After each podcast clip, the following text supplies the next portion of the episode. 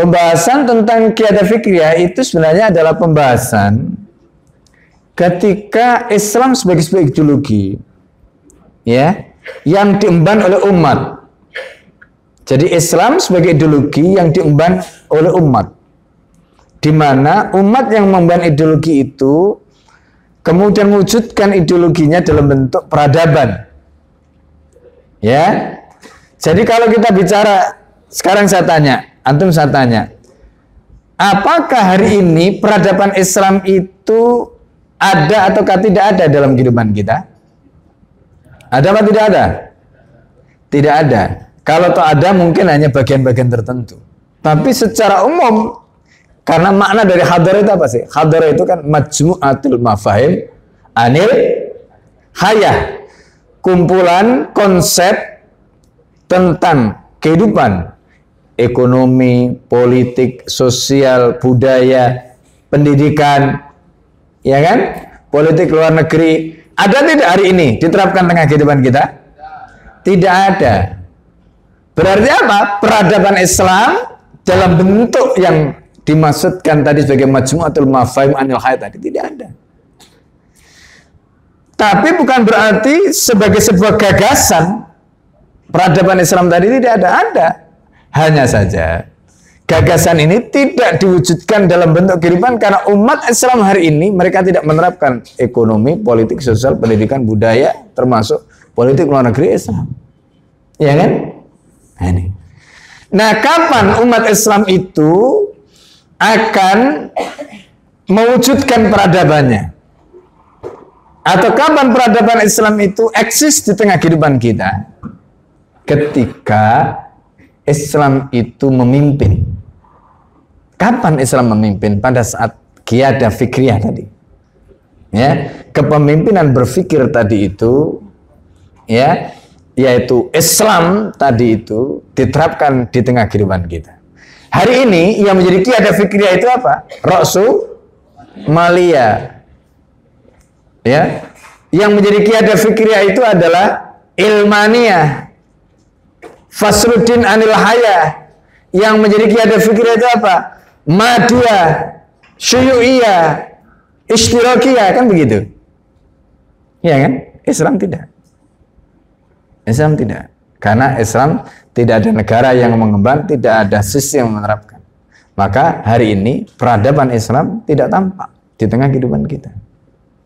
Nah, di situlah pembahasan tentang kiada fikriyah. Paham ya?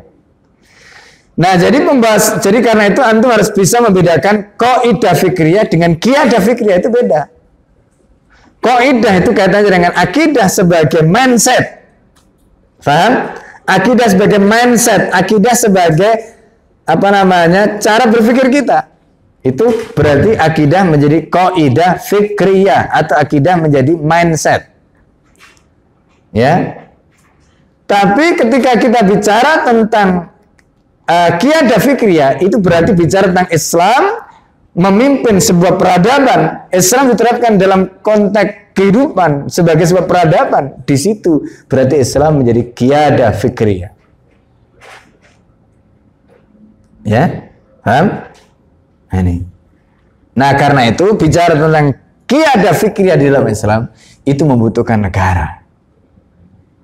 Sebagaimana ketika kita bicara tentang mewujudkan peradaban Islam membutuhkan negara. Karena tidak mungkin ada Islam diterapkan dalam sebuah peradaban tanpa negara tidak mungkin. Ya kan? Hari ini, saudara sekalian, meskipun kitab itu sudah begitu luar biasa banyaknya. Hasanah pemikiran Islam itu luar biasa. Boleh kita katakan tidak ada yang berkurang hasanahnya itu. Pertanyaannya, kenapa peradaban Islam tidak wujud? Bukan karena hasanah intelektualnya tidak ada. Tetapi karena tidak ada negara yang menerapkan hasanah intelektual tadi. Betul kan? Itulah mengapa Islam hari ini belum menjadi kiadah fikriyah. Itu. Nah itu bedanya antara kiadah fikirnya dengan kaidah fikirnya. Nah itu supaya antum paham. Nah, kemudian ketika kita bicara Islam sebagai kiadah fikriyah dan Islam itu membutuhkan negara, maka di situ Setaki membahas ya tentang bagaimana peran negara menurut Islam, menurut kapitalis, menurut sosialis. Iya kan? Itu. Nah, termasuk di antaranya kritik beliau untuk menunjukkan kenapa kritik itu dilakukan agar nah ini kalau anda pernah membaca tulisan saya tentang konsep oksidentalisme saya tadi dan rahimahullah. Pernah membaca? Pernah membaca tulisan oksidentalisme saya tadi dan rahimahullah. Eh?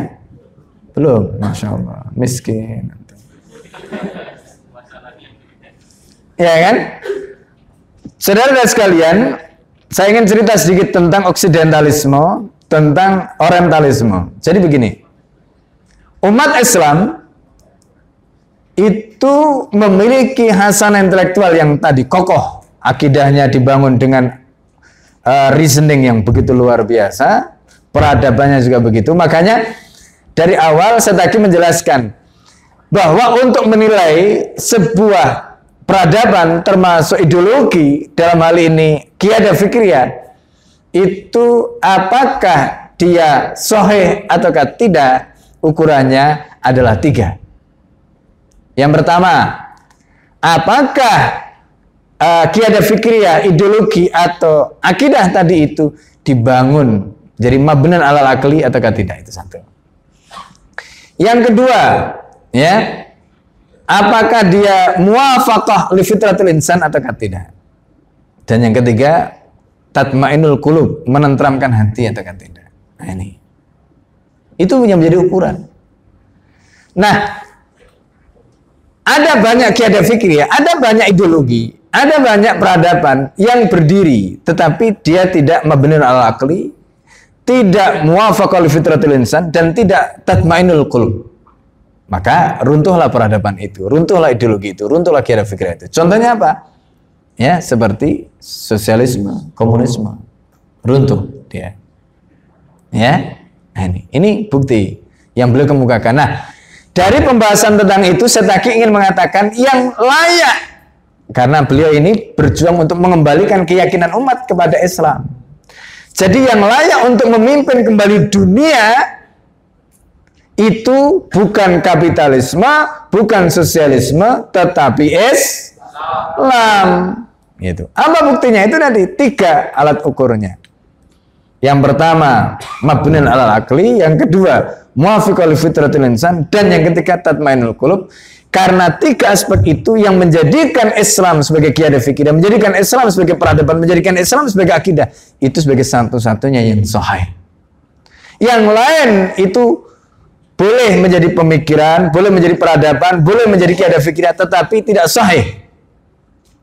Yang lain itu bisa membangkitkan, tetapi kebangkitannya tidak sahih. Barat bangkit dengan kapitalisme. Rusia, Uni Soviet, Cina bangkit dengan sosialisme. Tapi pertanyaannya, sahih atau tidak? Tidak. Islam itu bukan hanya bangkit, tetapi kebangkitannya adalah sahih. Nah, gitu loh. Ini yang dibahas oleh beliau itu. Ya, perbandingan mabda, perbandingan pandangan hidup macam-macam itu endingnya itu untuk menumbuhkan keyakinan kita. Ya termasuk posisi negara dalam konteks peradaban tadi gitu. Ya beliau bandingkan masing-masing kapitalis itu seperti apa posisinya sosialis seperti apa posisinya Islam seperti apa. Intinya tidak ada negara di muka bumi ini yang seperti Islam. Kalau bahasa sederhananya begini ya MH itu pernah membuat perumpamaan. Anda mungkin lihat videonya. Komunis itu ngasih alat ya. Orang kasih modal orang dikasih sawah.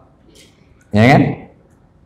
Kalau kapitalis itu tidak ya dia memberi kebebasan untuk apa namanya uh, bekerja berusaha. Nah, terus beliau membuat guruan tentang Indonesia ini. Gitu. jadi Indonesia ini apa namanya dikasih tanah tidak ya uh, kemudian dikasih kebebasan juga tidak tapi dipalai terus nah gitu nah jadi saudara sekalian itu perbandingan Islam negaranya itu tidak seperti komunis, Islam negaranya tidak seperti kapitalis. Terus gimana? Posisi seperti disebutkan dalam hadis Nabi, ya. Pertama, Rasulullah menyebutkan ya, kullukum ra'in wa kullukum mas'ulun ar-ra'iyati, ya. Wal imamu ya, wal imamu ra'in wa huwa mas'ulun ar-ra'iyati. Masing-masing kalian adalah pemimpin ya, dan bertanggung jawab atas yang dipimpin. Dan imam kepala negara itu adalah ra'in, penggembala. Dan hanya dia yang bertanggung jawab terhadap gembalanya. Dalam hadis yang lain Rasulullah menyebutkan innamal imamu junnah yuqatalu min wara'ihi wa yuttaqabih. Imam itu adalah sunnah perisai di mana rakyat akan berperang di belakang dia dan apa namanya menjadikan imam tadi menjadi tameng, menjadi perisainya. Jadi Islam memposisikan negara dalam posisi yang lebih ketimbang kapitalis maupun sosialis. Kapitalis negara itu menjadi wasit, ya. Jadi dia akan masuk ketika ada masalah. Ya, maka yang muncul adalah kebebasan. Sosialis negara mengatur, ya, mengatur. Jadi semua diatur dengan apa? Dengan menggunakan jumlah, kuantiti. Gitu. Kalau Islam negara mengatur, tapi ngaturnya bukan dengan jumlah, tapi dengan mekanisme. Gitu. Ya, nah ini bedanya. Nah, jadi dibahas di situ bagaimana posisi negara. Nah, terus pembahasan berikutnya dalam kiada fikriyah itu saya tadi menjelaskan, apakah ini ada buktinya kalau Islam itu menjadi sebuah peradaban, menjadi sebuah negara pernah diterapkan? Jawabannya ada dan kemudian beliau tunjukkan. Ya. Nah, ini. Jadi itu kesimpulan kalau kita baca secara umum pembahasan tentang kiada fikriyah.